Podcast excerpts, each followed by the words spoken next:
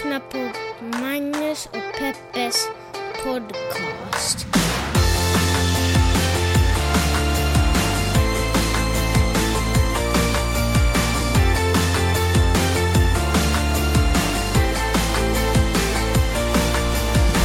Hallå internet och hjärtligt välkomna hoppas jag att ni känner er till podcasten som heter Magnus och Peppes podcast. En podcast där vi pratar om de stora och de små händelserna i världen så gör vi det ur ett feministiskt, journalistiskt och mediegranskande perspektiv. Och idag sitter vi faktiskt i ett underbart vackert Stockholm. Solen är blåare än den någonsin har varit i Los Angeles till exempel. Färgerna... Snackar du om? Solen är väl ändå inte blå? Nej, förlåt. Himlen.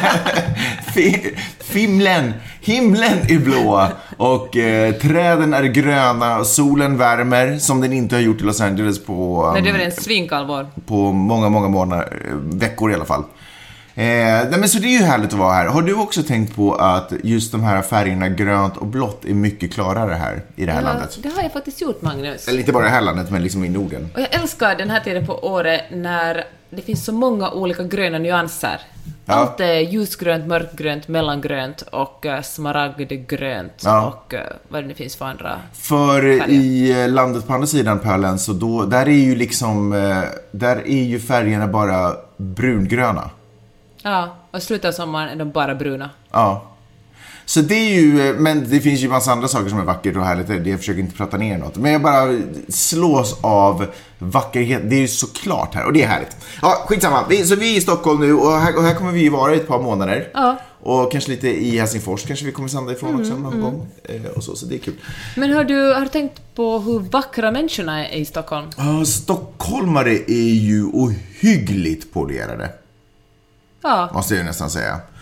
man känner ju sig som en uteliggare när man promenerar omkring på stan. Eller man känner sig avslappnad i förhållande till alla andra människor man möter. Nej men alltså, har, har det här förändrats eller har det alltid varit så? Har man bara inte sett det tidigare? Ja, jag, tror, tidigare? jag tror att vi får den här chocken varje år. Ja, kanske det är så. För det måste man säga att folk har ju, alltså det, folk är ju så otroligt Alltså folk, ja du sa ju det, folk ser, ser, ser snygga ut och folk ser bra ut. Ingenting har lämnats åt slumpen. Nej, snygga kläder, liksom... Snygga ögonbryn, Ja. Alla har gjort så här, eh, gått på dry bar före de gick ut i morse Ja. och fått sitt hår fönat. Nej, Alla. Jag, jag är otroligt imponerad. Jag brukar ju kolla på ganska mycket sådana här eh, konspirationsvideos på YouTube. Jag brukar somna till dem. Det är ett fantastiskt sätt att somna till. Eller en fantastisk grej att somna till. Eh, Och, och, och en, en genre av de här handlar ju om att det fortfarande finns aliens på jorden. Eh, och de bor i Arktis, för Arktis finns egentligen inte. Utan om man verkligen skulle flyga över Arktis så skulle det vara ett hål rakt ner i jorden. Och det hålet, där klättrar de ner för stegar, upp och ner för stegar. Och så bor de inne i jorden. De här aliensarna. Herregud, Magnus. Och det finns olika sorters aliens. Det finns de här grå aliensarna, eller vad man nu ska kalla det för. Och det är de som, eh, som man brukar se i filmer som har liksom, vars huvud ser ut som ett upp och nervänt päron. Ett grått upp och nervänt päron. Och så har de långa fingrar och de är ganska korta. Och så har de så här stora eh, svarta kattliknande ögon. Eh, Men sen finns det en annan genre som typ kanske är deras som ser ut, ledare, som ser ut som typ alver. Som är stora, ståtliga, eh, alltså inte stora, men liksom resliga och, ståtliga och otroligt sådär, nästan lite androgyna och sjukt vackra. Och, och de ser ut som svenskar.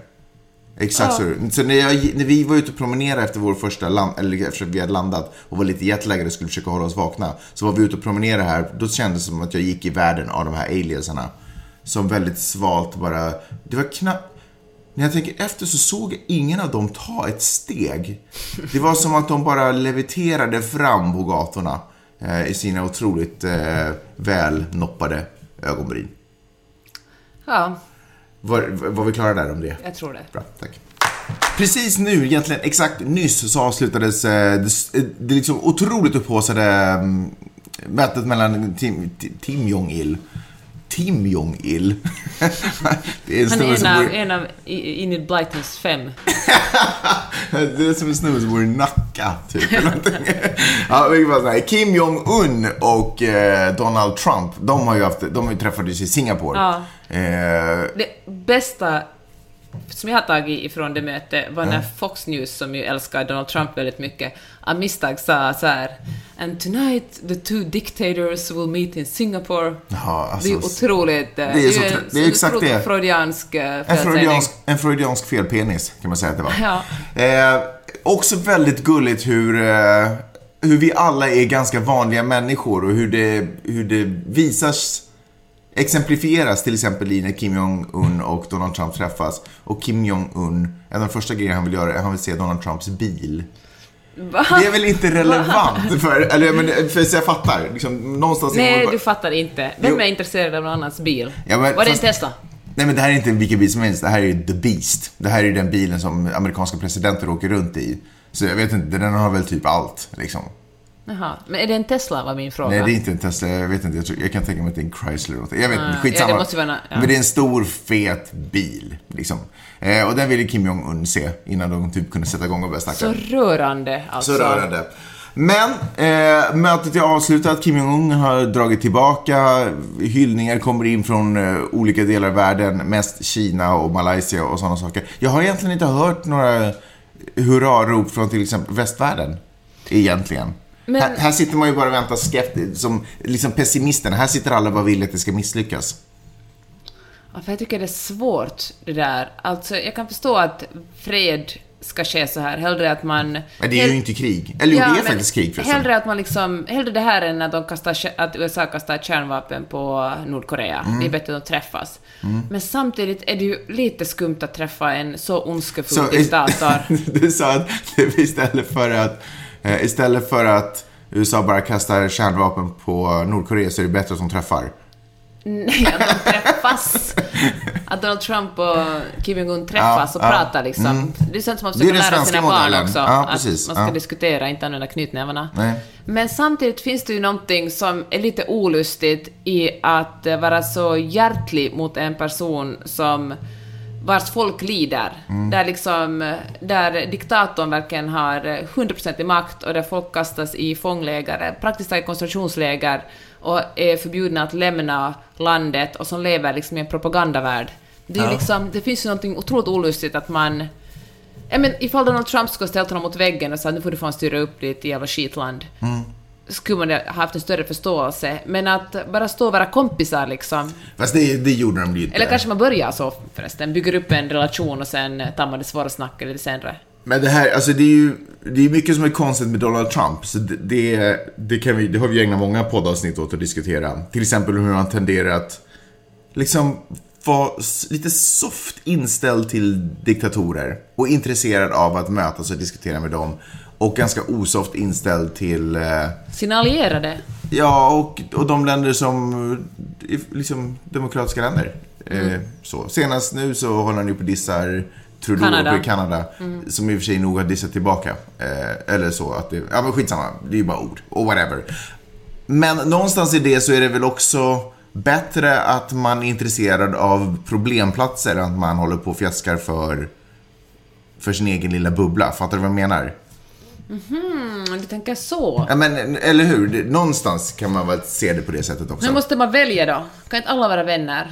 Nej, men eh, relationerna med USA och västvär- liksom övriga västvärlden, den kommer ju ändå pågå. Du vet, vi kommer ju inte hålla på att sätta embargo mot varandra. Alltså, den är ju lugn. Sen, om man, sen vad folk håller på och, och kallar varandra är väl lite... Men vadå, det har ju skett väldigt tydliga tullar.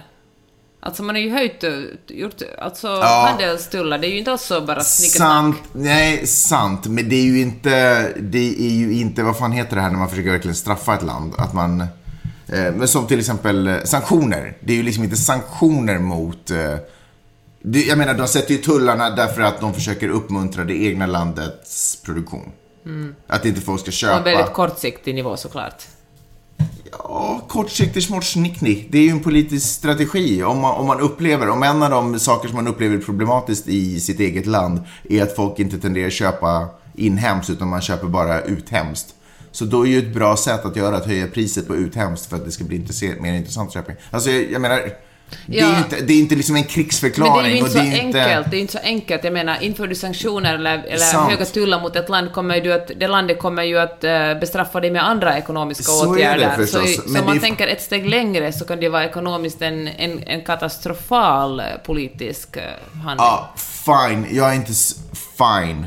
Fine. Men jag ser det inte som en krigsförklaring. Tror du det är en slump att din dator Merkel kostar kom- så mycket mer i Europa jämfört med USA? Nej, nej, det är det ju inte förstås. Men vad är det som är så himla fel med det? Egentligen. Ska vi tala om frihandelsavtal eller inte den här podden? Men så här säger jag, Merkel är fortfarande välkommen till Vita huset. Tänker jag. Alltså förstår du vad jag menar? Ja. Att relationerna är ju ändå liksom, vi kommer fortfarande, diskussionerna är ju ändå öppna, vad folk än sitter och surar om. Men det som diskussionen inte har varit öppna till gentemot, det har ju varit diktatorer och problematiska länder som är aggressiva mot sitt eget folk och mot övriga omvärlden. Så, det, så där kan vi ändå kanske tycka att det är ju intressantare att han tar tag i de länderna. Men vad fick vi ut av det här mötet då? Vad vet vi? Så vad vi vet är att de har signat en kontrakt. Efter att de tittade klart på The Beast så gick de in och så hade de sina delegationer mitt emot varandra på, över en lunch tror jag, Mm. så, där de åt någon form av mango-grej med någon limesås. Tydligen jättegott. Ja, keep talking about lunchen, men vad stod det i kontraktet då? Vi vet inte exakt vad det står i kontraktet, eller jag vet inte exakt vad det står i kontraktet. Några punkter, han håller ju upp, bild, han håller ju upp kontraktet så att det ska kunna fotograferas.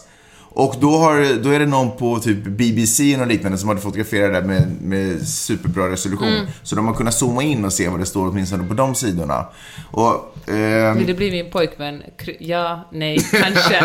Exakt. Fyra punkter har man kunnat uttyda. Punkt nummer ett, USA och Nordkorea åtar sig att etablera nya relationer mellan länderna som överensstämmer med, den, med det amerikanska och nordkoreanska folkets önskan om fred.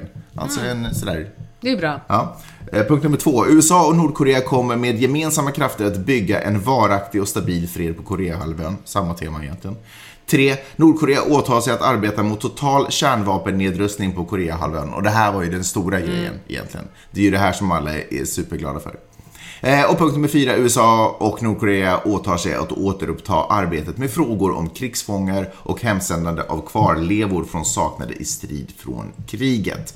Eh, Det var ju en snubbe som skickades hem nyss, eh, en amerikan som hette, en, en ung student tror jag han var till och med. Men han skickades hem i koma och han dog ju nu också, så det var ju lite tråkigt. Men de frigav ju tre stycken amerikanska medborgare efter det. Medborgare, ja. Medborgare, så det var så Ja, de men kom. så heter det på finlandssvenska. Hör du, eh, okej, men vet du vad, nu Men känner det stora är ju kärnvapennedrustningen.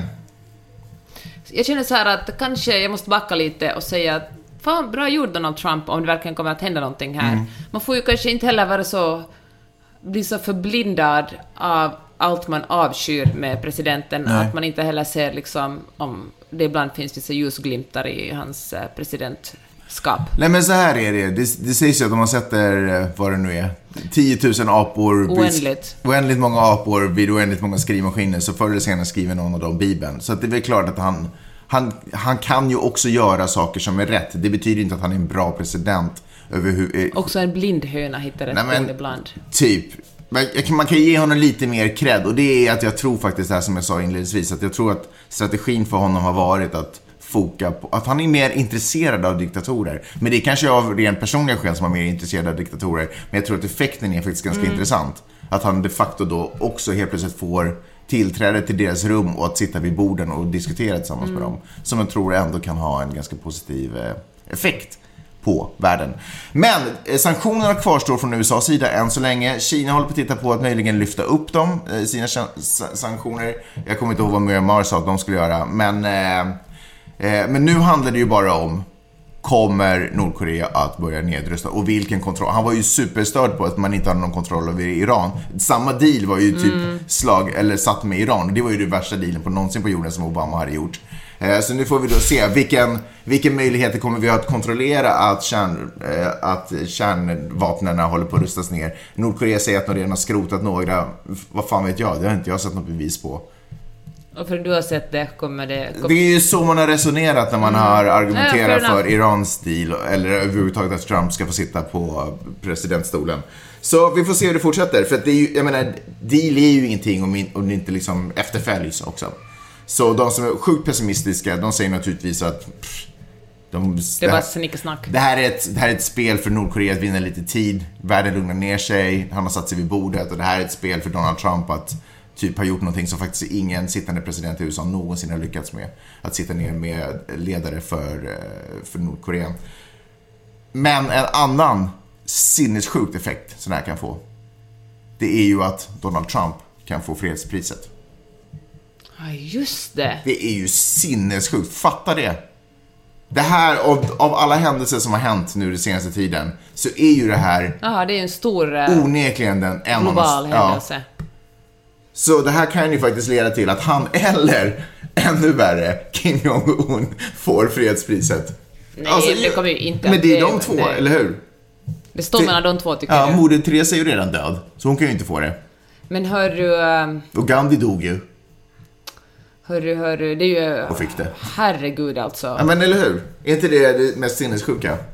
Men tror du att det var en strategisk grej för att få Nobels... Tänk om Donald Trump får Nobels Ja, för det var ju det Obama också, alltså för mig, det känns ju så mycket, fast det kan ju handla om att jag tittar på massa liberala humorshower med nyhets, liksom, ämnen. Eh, Men där pratar de, där, där, där verkar det ju framkomma väldigt mycket att Donald Trump, så här, att han har liksom, han vill, det här är, allt det här är liksom en kamp mot Obama. Eller inte en kamp mot, utan han vill bevisa sig mot Obama.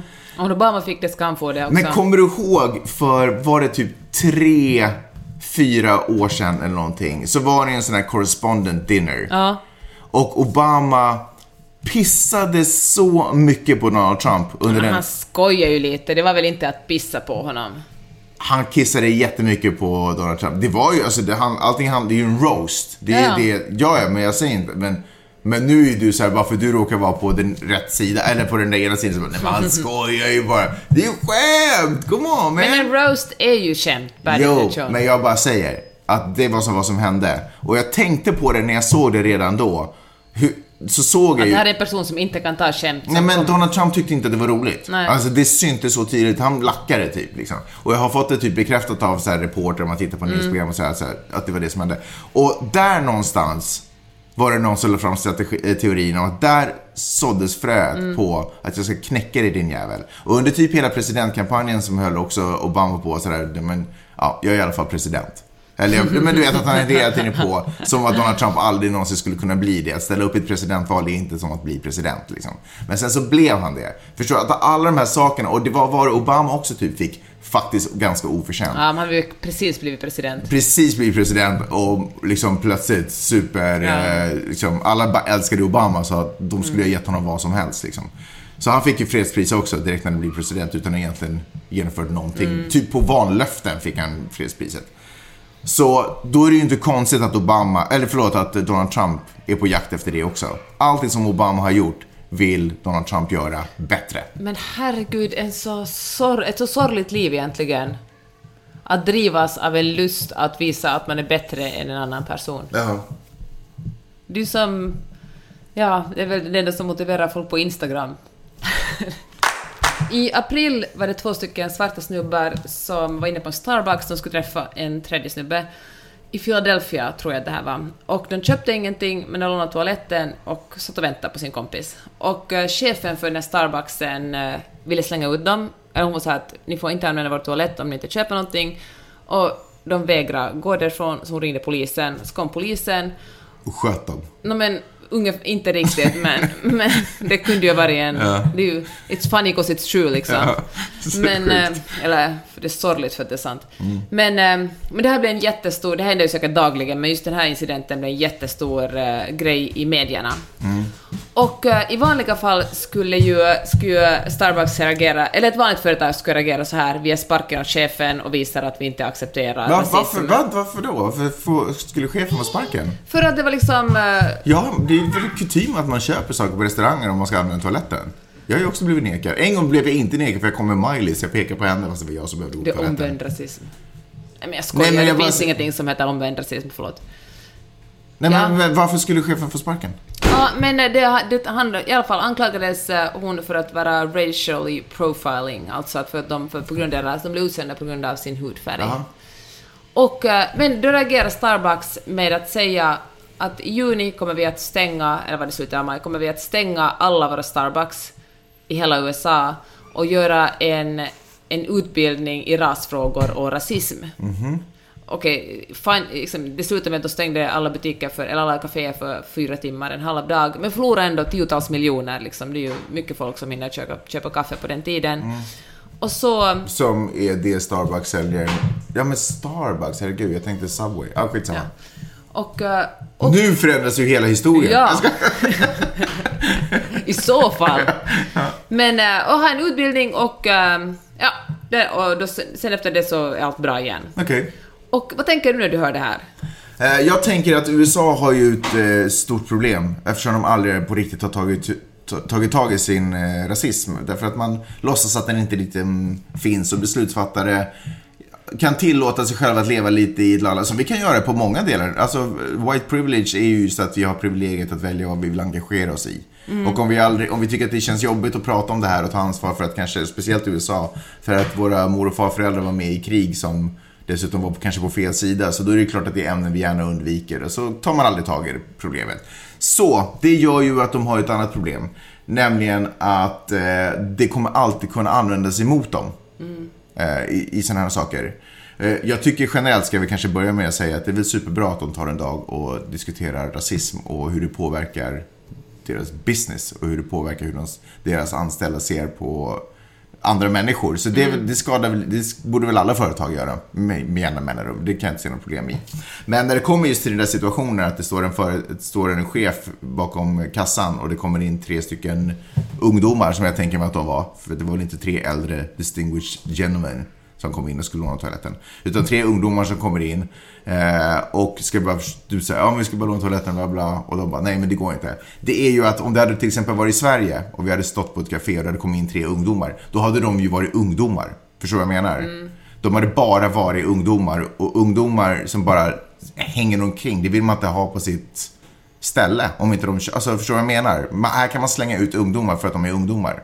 Utan att det blir så här, åh nu måste vi ha en dag där, alla stäng, där vi stänger alla butiker och så diskuterar vi hur vi behandlar ungdomar. Fast tror inte skillnad om det är tre Östermalmsungdomar eller tre Rinkeby-ungdomar? Jag tror att det är skillnad på hur ungdomarna beter sig när de kommer in. Men du tror att man i, i Sverige är man färgblind? Där har hudfärg Nej, nej, nej, nej, nej, nej, nej, men här har vi inte, vi har inte liksom, nej, men ta något annat land då, där det inte finns andra färger. Finland. Finland. Så, nej men förstår du vad jag menar? Att här, eller om, det är bara vissa områden som ändå kanske är mer segregerade här. Om vi, liksom en riktigt vit eh, plats på jorden. Så, eller i, i Men Stockholm. du tänker så här att hudfärgen i det här fallet, på den basen den information du har fått, hade egentligen inte stor betydelse? Den kan ha haft betydelse därför att USA är ett rasistiskt land. Men- Men, den hade inte behövt ha betydelse för det kunde verkligen bara ha handlat om. Men nu kan vi ju aldrig veta det för USA har inte tagit tag i sin rasism. Så nu vet vi ju inte det. Så nu måste vi behandla det här som ett rasistiskt case. När det egentligen behand- när det kunde ha varit frågan om jag vet ju inte hur, alltså när man berättar sådana här historier så berättas ju alltid, så berättas, blir det alltid lite i vinkeln att det kom in tre jättesnälla, propra unga män som satte sig vid ett bord och tyst och snällt väntade. Plötsligt undrade de om de kunde få låna toaletten och så blev de nekade för att de var svarta. Men det kunde varit så att de bara wow, kom in, satte sig, fötterna på stor... Du vet, förstår vad jag menar? Så som ungdomar inte helt osällan gör. Vet du vad jag tänkte? Nej. Jag är ju otroligt cynisk, men så här tänkte jag att det är ett smart PR-trick av Starbucks att sätta, avsätta... Fine att de förlorar mycket pengar, men Starbucks är ju så de är ju otroligt rika. De har ju fan alla pengar i världen. Eller Jeff Bezos har alla, men de har nästan alla. Och eh, att ordna en sån här fyra timmars utbildning, ah fan, i praktiken leder det knappast någon vart. De som är Ja, öppna säg och intresserade Ja. kanske ta in sig. Men liksom för att kunna... Man råder inte bot på eh, liksom ett rasismproblem på fyra timmar. Nej, men å andra sidan, det finns Och ju men ingen... tvärtom är det en otroligt bra PR-grej Ja. att säga kolla vi förlorar tiotals miljoner dollar för vi vill att eh, vårt, eh, våra kaféer ska vara rasistfria. Nej, men jag tror så här att... Och för att säga, Ja. det ledde förresten också till det att nu får man låna toaletterna på Starbucksen utan att köpa någonting. Jag tror, eh, jag, alltså, så här, bara för, att, bara för att ett företag har någonting att vinna av en god gärning så tycker inte jag att det gör det till en dålig gärning. Alltså jag menar, vilken anledning som helst som du har att donera pengar Fair till enough, välgörande ändamål är väl whatever. Pengarna går ju ändå till välgörande ändamål, tänker jag. Så att du kanske har rätt, men det, jag tycker att det på något sätt är irrelevant. Sen tycker jag också så här att nej, men det finns ju inte ett, just att ja, man kanske omvänder någon eller öppnar ögonen på någon. Men det finns ju inte ett evenemang eller en utbildning eller en diskussion på planeten jorden som skulle omvälda hela planeten jorden. Alltså jag menar, alla, förändring Nej, men man handlar kunde ju ju om ha de små ett längre stegen. program liksom, ha det här en, en gång i kvartalet eller något sånt.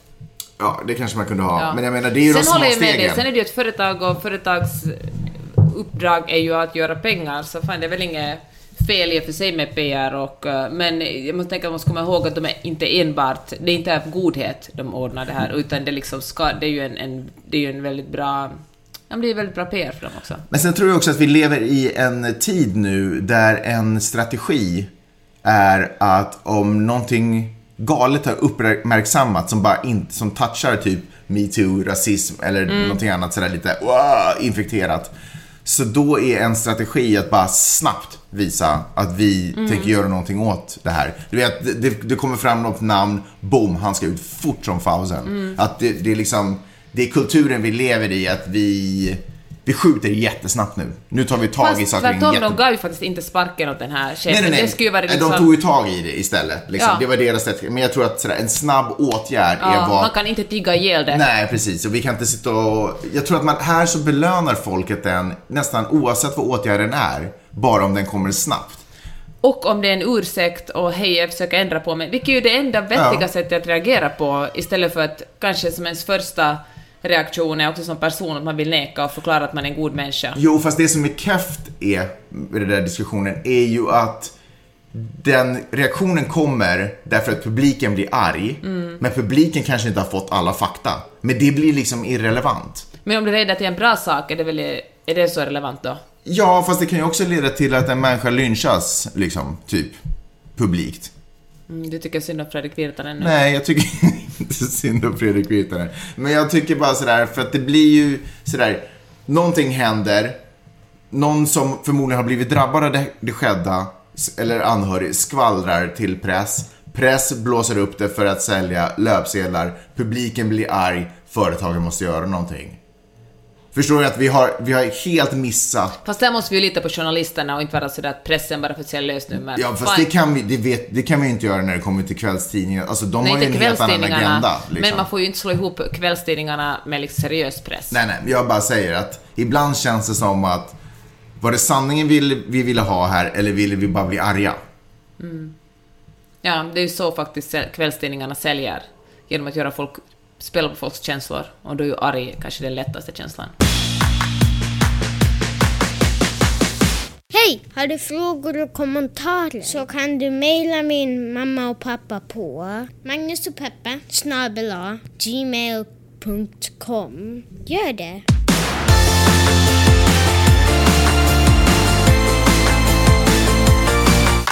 Exakt, gör som vår lilla son Vidar Öhman säger om det är så att ni har någon kommentar. Och det är superroligt att läsa era kommentarer så jag tar jättegärna emot dem. Skicka dem till magnusochpeppes.gmail.com Är ni med om en Facebook-typ så kan ni ta det på Magnus och Peppes podcast på Facebook. Eller som eh, 90% av alla coola gör, nämligen gå in på Peppes blogg, jeanetteohman.com och skriver det som en kommentar i något av hennes senaste blogginlägg. Magnus, talar du flytande ironiska? Ja.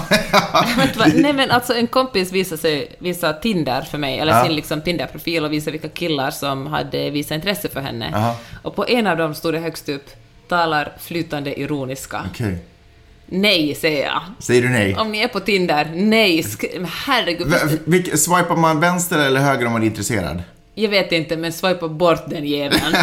Okej. Swipa bort människor? Ja, jag vet inte. Okej. Men det här gör man ju, det här har man ju förr i tiden gjort på nattklubbar genom tiderna. Swipat bort folk? Ja, det gör jag man har du aldrig swipat bort någon som har, visat Du. ens, som har ens visat ens lite intresse. Det är fan sant, tyvärr. jag, är inte den. Jag, jag diskriminerar ingen Nej. på det sättet. Ja, ja. Hur känns det Peppe? Hör du, eh, det känns ju fruktansvärt. Nej, jag bryr mig inte om det. Det är okej. Mig är det faktiskt helt okej att du har legat med alla andra kvinnor i Det världen. spelar ingen roll för dig vad min dingling har varit. Kan... Nej men... sluta tänka på Magnus snopp nu, kan vi tala om något annat? Inte, tyst. jag, jag vill tala om att det är så fint väder. Ja, det är det faktiskt. Solen skiner, det är varmt. Det har varit varmt en månad och alla är så glada. Mm. Folk går och använder sig av sommarpersonligheten. Mm. Och shorts, vilket är superroligt. Så där ser man, det är inte allt för dåligt med klimat. Kanske han är någonting på spåren ändå, Donald Trump, med klimatförändringen. Nej, Magnus.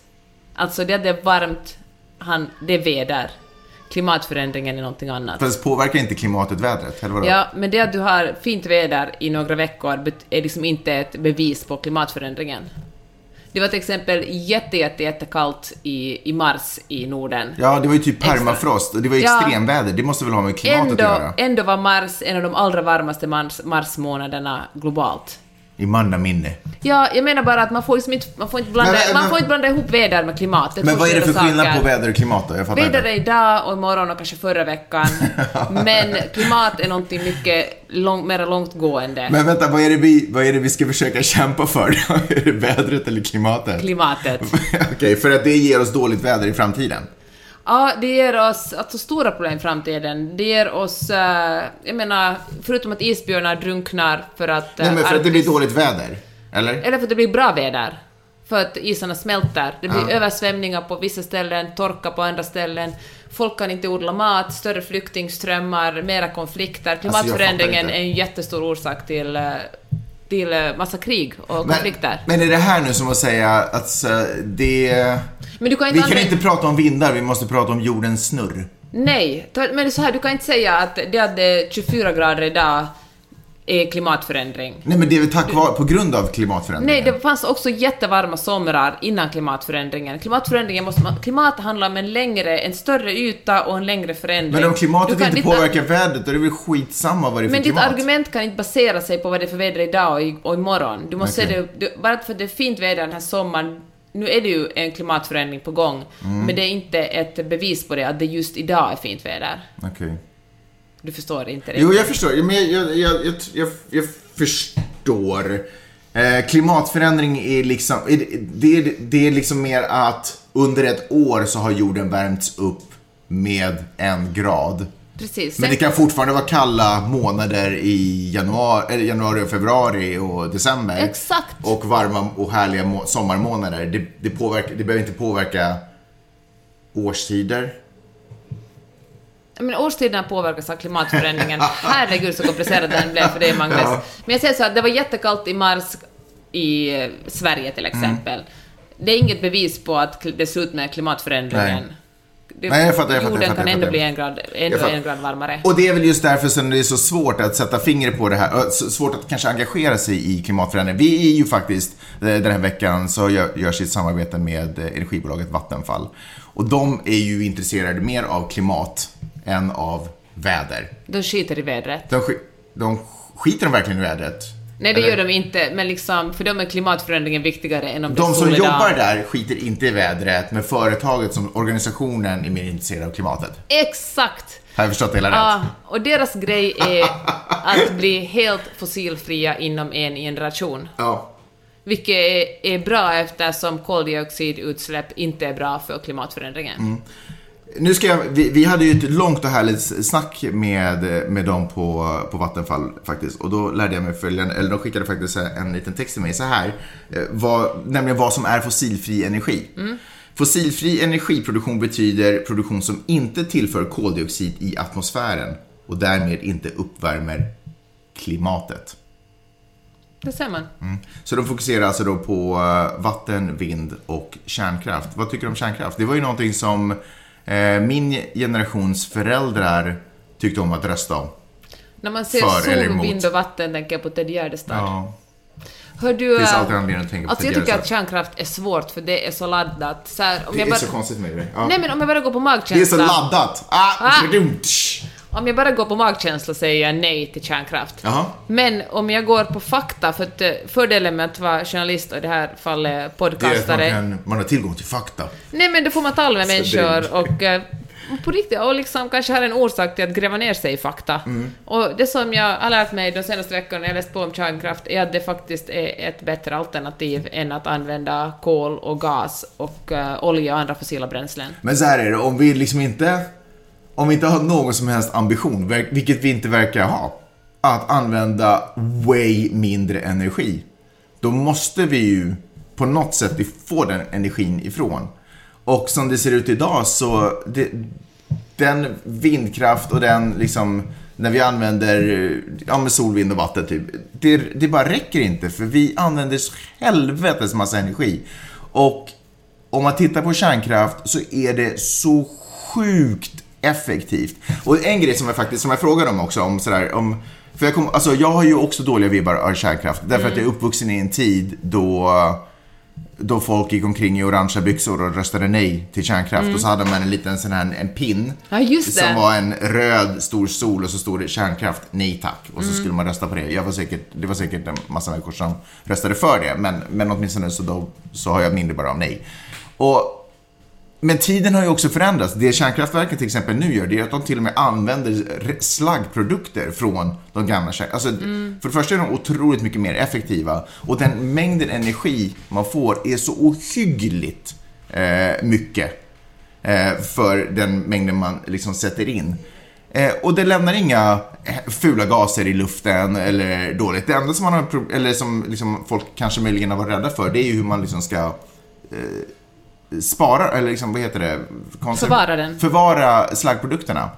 Men med tanke på hur tekniken, alltså fast det här är nu bara jag som spekulerar. Med tanke på hur tekniken går framåt så kan jag tänka mig att det är någonting som man sen med ännu effektivare kärnkraftverk kommer kunna börja använda. Det får vara hur du vill med den saken. Min poäng är att om man sitter och använder massa energi hela tiden då får man, alltså om man inte vill ha kärnkraftverk, då får man, fan, då får man börja tänka på hur man använder energi. Ja, men vet du vad, det är faktiskt... Och men då handlar det om stora beslut. Alltså Ja. välja att eh, inte flyga eller sluta äta kött. Om man bor i en liten, liten lägenhet i stan och är supernoga med att släcka lamporna till exempel. Vill man göra något för miljön så är det faktiskt viktigare att välja vilken sorts elkontrakt man har. Så är det. Ja. Och eh, Vattenfall, som full disclosure har lärt oss allt det här och är vår uh, samarbetspartner, säger att eh, de är inte dyraste, de är inte billigaste, men de eh, strävar efter att vara helt fossilfria. Alltså de värnar om miljön. Och väljer man, man kan tydligen välja också varifrån ens energi kommer. Och eftersom solenergi till exempel är lite dyrare att producera än, än, än energi som kommer från, från kärnkraft, så betalar ändå Vattenfall mellanskillnaden. Så de För att står... inte den kostnaden ska ligga direkt på användaren- Konsumenten. Mm. Ja. Så här är det, de har faktiskt lagt upp en liten sida. Om, för, om ni är intresserade av att liksom, höra mer, läsa mer om det här eller kanske, ja men vad fan, jag signar upp på ett elavtal som garanterar att det är helt fossilfritt. Det betyder, det betyder att jag garanteras att all energi som jag använder inte går ut i atmosfären och blir en del av ett metangasmoln där uppe. Så då kan man gå in på vattenfall.fi snedstreck, lyssna på det här, Magnus och Peppe. Är det sant? Ja. Vattenfall.fi snedstreck Magnus och Peppe. Och där, kan man, där får man lite mer information. Där finns också två olika eh, vad heter det, avtal som man kan signa upp på. Alltså, för, alltså, jag fick en annan siffra.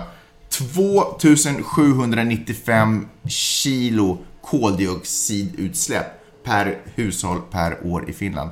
2795 kilo koldioxid. Det är helt absurt. Det, det låter ju, alltså, tänk så här att om, eh, om man skulle pumpa in det i folks lägenheter. Och så här, du får tillbaka det här. Jorden är så här, okej jag vill inte ha det här. Så den bara uff, drar ihop alla vindar och trycker in all koldioxidutsläpp tillbaka. Då tror jag att folk skulle ha en helt annan syn på vad koldioxidutsläpp, koldioxidutsläpp egentligen eh, innebär. Alltså det är helt absurt hur vi misshandlar den här planeten. Och, men det måste ju också ge den här planeten hur helsikes stor den är. Så att vi kan misshandla den så hårt och ändå liksom leva i tron eller villfarelsen om att allting är ganska okej. Förstår du vad jag menar?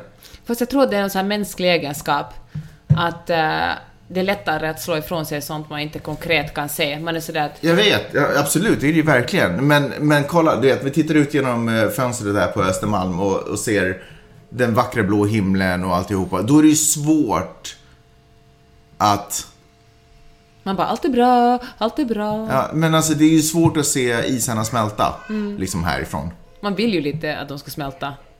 Nej, nej inte, inte nordisarna eller sydisarna, det vill jag verkligen inte. Så tokig har jag inte blivit. menar- så badsugen jag menar- är jag inte om vi säger så. Jag menar vinter i Norden, då önskar Ja, man att skiten ska smälta bort. Jag fattar, jag fattar, jag fattar. Gå in på vattenfall.fi snedstreck Magnus och Peppe. Alltså så, bara, jag tycker, förlåt, men jag tycker det är lite coolt att vi har en sida under Vattenfall. Det är jag skrivit. Ah, skitsamma. Gå in där. Eh, vattenfall.fi snedstreck Magnus och Peppe. Tack så hemskt mycket Vattenfall. Tack. Jag har ju i, under min tid i USA, framförallt i början, har jag haft otroliga problem vid sociala, äh, sociala träffar, socialt mingel, så här, när det handlar om folk som jag inte har träffat förut. Och man ska börja presentera sig själv. Jag har ju fått tunghäfta varenda gång. Jag har inte vet hur jag ska säga. Folk bara, ah, men man måste ha fem minuters pitchar. Man måste ha, jag, bara, äh, jag får bara inte ihop det. Nu har jag kanske börjat känna mig lite tryggare. Kanske också för att jag har jag träffar inte så många nya människor längre utan då har man fått en umgängeskrets och alla vet redan. Men, eh, men det i alla fall, så det, det har inte varit lätt för mig det här med presentationer. Men nu har jag, upp, nu har jag noterat ett nytt problem. Nämligen hur andra presenterar en. Så inte nog med hur jag själv har försökt fumla fram och nu, nu har jag liksom funnit en trygghet i att jag är, på engelska så är jag liksom podcast professional. Det är ju Det superbra. tycker jag känns supersnyggt. Det är ganska snyggt också, liksom PP. eller hur? P- ja, ja. I'm a PP. Jag börjar så. I'm PP. De bara PT. No, no, no, PP. I'm a Vadå, verge kissa? and a PP. Ja, exakt. But most of all, I'm a father. And a loving husband. Ja. Men eh, vad heter det? För då, då är det så här, ah, vad betyder det? Så kan man utveckla att men ibland så klipper jag, ibland så är jag redaktör och, och någon enstaka så producerar jag också. Så, så, så får man in hela spektrat. Men de som inte bryr sig, så då har jag redan, då låter det ganska tungt från början. Men, eh, men sen när, när folk tycker att de känner en och så, och kanske ännu värre folk som känner en från ett tidigare liv ska presentera en. Eh, så då kan det ibland låta, allt, jag vet inte, ibland så vet de inte ens vad man gör, känns det som. Det är som att folk inte känner mig. Och då har jag funderat på, hur ska man reagera? Hur ska man bete sig när man blir felaktigt eller kanske Ja, felaktigt är ju rätt för då kan man bara säga, herregud, då kan man ju nästan börja skoja om det. Känner inte du mig? Jag är inte flygkapten. Jag jobbar ju som journalist. liksom. Men när folk... Det, det, nå, nagen, eller nålen i sidan är ju när folk inte presenterar en tillräckligt smickrande. Eller alltså, när när man, man- inte är helt där. Till exempel som att jag skulle bli eh, presenterad som en person som bara klipper en, det här typ hände, men det här handlar egentligen inte om det caset som, som hände, utan det här har hänt massvis med gånger. Där typ här, någon kan säga så här, ja men han klipper den podden. Som att det är bara det jag gör. Eller han är poddklippare, vilket jag ju är. Men jag gör ju också andra saker, liksom s- liksom större saker och dessutom involverad i projekt som i och för sig kanske inte har pratat så mycket med människor om, men också andra projekt som verkligen är ganska Nu förklarar stora. du verkligen det, vad du gör. Det är någon som har presenterat dig fel. nej, men, eh, nej men så, så hur, ska man, hur ska man göra? Ska man bara låta det gå och tänka whatever, det är inte, spelar Men det beror ju på situationen. Om det är någon som man eh, kanske i framtiden vill jobba med Ja, och så är det någon som liksom lämnar bort 90% av ens eh, CV. Då, Ja. då känner man ju sig... Då måste man väl säga till. men om det är någon som man vill jobba med, som presenterar en för någon annan. Nej men du går på en mingelfest Ja. och sen eh, träffar du någon som... eh, Du träffar någon på Crooked Media Mm. och, och, du, och, som, och då vet de letar efter en podcastproducent. Ja. Och er gemensamma bekant är så att det här är Magnus, han klipper en liten svensk podd. Ja. Han, eller han har en egen liten podd. Ja, just det. Ja. Han har en egen, det är så faktiskt det brukar gå. Det brukar inte vara att jag klipper utan han har en egen podd. Vilket i och för sig låter coolt tills man måste börja prata om hur liten den är. Eh, Mm. Men, så. eh, ja, men då måste du säga till. Men då kan det ju vara sådär, ja det är sant! Och så producerar jag, redaktorerar och klipper poddar. Får jag ge dig det perfekta exemplet? Ja. Så här är det. Jag är ute och hajkar med en massa företagsmuppar. Okej? Det händer ju faktiskt. Här, ja men såklart, Ja. vad tror du jag sitter och hittar på? Ja, här, jag är ute och hajkar med en massa företagsledare som är muppar. Liksom. De, är, de, alla, de gör alla tech-grejer, så de är alla lite nördiga. Doesn't matter. Fast lite. För att de är ju intresserade av tech och podd är ju ändå lite, det har en tech-vibe liksom. Så, och eh, jag är inbjuden till den här hiken från eh, vår underbara generalkonsul i Los Angeles, finska generalkonsulen Stefan i Los Angeles. Så jag och han glider runt där. Och Stefan har ju en egen podd också där han intervjuar typ finska, för, äh, men typ han intervjuar folk liksom om företagande och så. Och eh, och jag har hjälpt honom. Han har frågat mig hur han ska, för han ville när, när vi träffades så hade han, hade han ingen podd utan han ville veta hur man skulle göra. Så jag satte upp honom. Jag sa, köp den här micken, superlätt, koppla in den i datorn, sätt dig ner och snacka. Tänk på det här bara, ha den här switchen åt det här hållet, bla bla bla bla. Du vet, satte upp honom liksom. Eh, och så visade jag också hur han kunde ladda upp det så att han fick ute på nätet, Ja. liksom, till iTunes.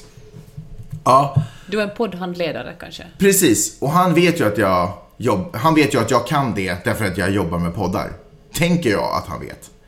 Så vi går på den här hiken och eh, så är det en, en eh, snubbe där som har jobbat mycket med radio. Vi har ganska mycket gemensamt.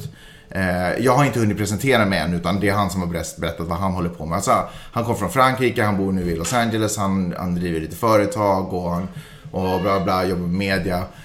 Och eh, så vi går där, jag lyssnar, jag hör ju så här, shit vi har ju jättemånga träffpunkter, det här är, kan ju bli superintressant. Stefan går emellan oss och Stefan får först att presentera. Så han är så här, ja och här är Magnus, är han, han hjälper mig lite med min podd. Det är väl för fan ingen presentation av en professionell människa som går bredvid Var det, var det här ett nätverkstillfälle? Nej, han är min poddhjälp redan. Eller något, det var, för det var någon sån här typ som att- poddassistent? Ja, men typ så här, han är min, eh, han är min tekniska podd-support eller någonting. Som, alltså, det var någon så här sjuk, det var, det var inte liksom nedvärderande just den titeln. Men det var så inte en korrekt och inspirerande beskrivning av vad jag gör. Vad gjorde du då? Eh, Jag gjorde, jag gjorde så här, jag sa att... Eh, eh, nej, det gör jag inte. Eller, säga- eller men jag sa typ något så här, jag blev, jag blev stött typ. Så, och typ och sa någonting om att jag gör en som massa mycket mer. Och det där har jag inte ens fått betalt för. Typ något sånt sa jag. Och det var så här, ja men du ska få betalt. Du, jag ska fortfarande bjuda dig på en bastu kväll. Ja, Jag vet inte, men det var, allting var sådär som att jag, jag vet inte, nej, jag känner mig som en jävla tomte och jag blev, det blev sjukt frustrerande för mig. Men vilket fall som helst, men, då, men, då, men hur ska man hantera? Ska man bara låta, borde jag bara låta det passera? Ska man ta om det från början? Hur, hur gör man? Men jag tycker att om det verkligen är ett tillfälle, ett, nät, ett nätverkstillfälle, och speciellt om man är frilans eller man kanske har en fast anställning men suktar efter ett annat jobb och känner att det här är en person som jag kanske vill jobba med i framtiden, Mm. då måste man ju säga till. Då måste man vara sådär att eh, jag gör mer än koka kaffe. Ja. Men tar man den personen åt sidan då och tar det vid ett senare Ja, tillfälle? det kan man göra, eller ska man bara göra till ett skämt och vara sådär ha ha ha, det är klart att jag gör det här, men det är ju bara en det är bara en nanosekund av min vanliga arbetsdag som går till det. Jag tror faktiskt att eh, det är ju där som, jag tror att det är för det är ju där som jag kanske känner att misstaget skedde, att jag på något sätt där, för att jag vinner ju ingenting på att sen försöka trycka ner personen som just har försökt presentera mig och liksom så, få till ett handskak. Så att man kanske bara låter den passera i situationen och sen i ett lite senare tillfälle, eller ett anslutande tillfälle, Men tänk om man bara har en chans då? ja men då får man ju fan, eh, ja, då kanske den rök. Du som lyssnar på Eller den här podden, vad tycker du man ska göra? Det här är ju... Det kan ju vara en kivig situation. Ja. Äh, fan, det är svårt. Och sen lite också som skandinav så vill man inte, alltså man vill inte börja bråka och ställa till en scen. Eller vara för skrytig. Det är, Ja. Men det är också en annan aspekt på det här, därför att speciellt om det är typ en person som typ är ens vän. Då blir det ju också så otroligt tydligt hur ointresserad den människan har varit av mig. När den personen inte försöker sälja in mig på det mest liksom, bästa möjliga sätt. Om jag typ så här pitchar in dig eller till exempel Tom, eller om ni kommer på tal, då beskriver jag ju er som liksom regenter inom ert område. Vilket för sig Det är stämmer. liksom den enda, ja men vilket, precis, just därför. Det finns ju ingen anledning för mig att säga att Tommy pillar lite med musik Nej. och du, du gör något enstaka, Skriver en blogg. något enstaka reportage till Finland ibland. Ja. Det, är liksom, det är inte schysst sätt att beskriva verkligheten på, på något sätt.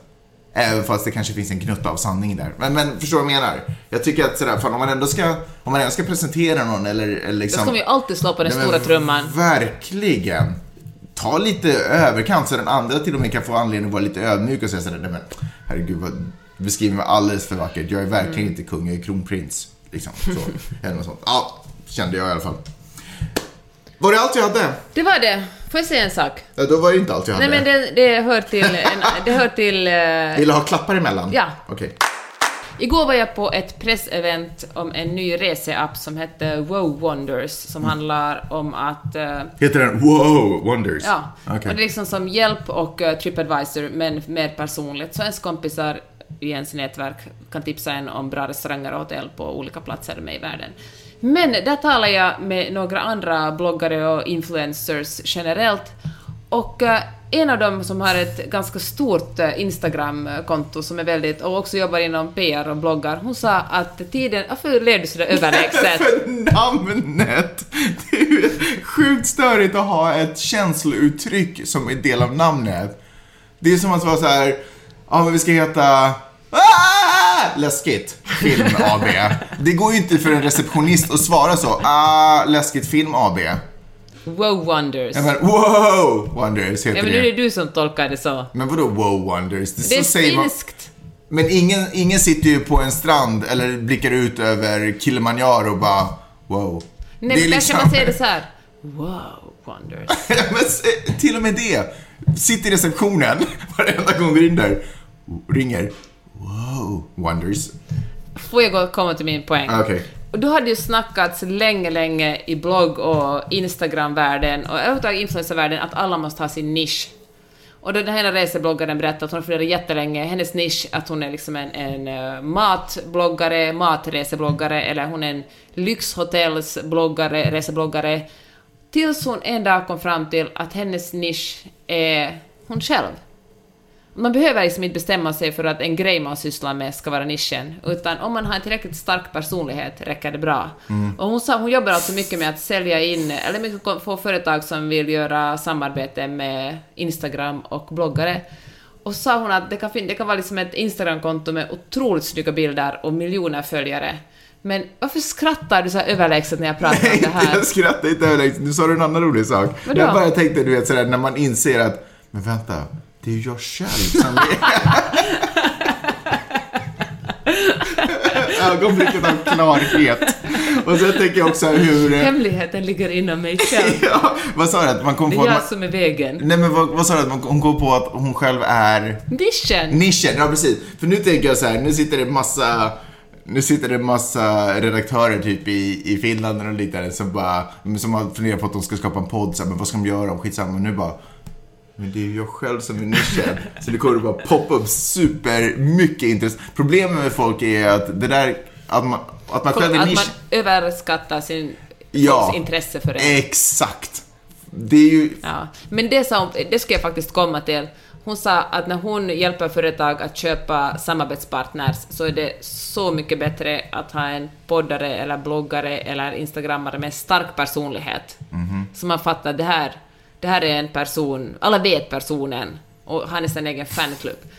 Men eh, Ja, självklart är det väl mycket intressantare att lyssna på en människa med en stark personlighet än att sitta och lyssna på en grå mus och tro Nej, men om du tänker på Instagram och bloggar till exempel, där det visuella är lite mer framträdande än en podcast. Fast den starka personligheten lyser väl ändå igen? Får, Ja, eller? men inte alltid alltså. Det finns ju vissa bloggar som egentligen bara består av jävligt snygga bilder. Och, Nej, de blir ju aldrig stora. Ja, men jag tror det. Det står någon Bara en- snygga bilder. Ja. Ja, faktiskt. Ja. Eller Instagramkonton, i alla fall. Ja. Så, nej men det var, det var mitt, det var på något sätt en, en skön... eh, Ja, det var en bra diskussion. Okej. Det kändes skönt, för min blogg har ju aldrig haft någon slags nisch. Nej, men det är ju... Men den är ju ändå stor därför att du är den starka personligheten. Är du ironisk igen? Talar du, talar du flytande ironiska? Ja, jag gör det. Jag kan tala det baklänges till och med.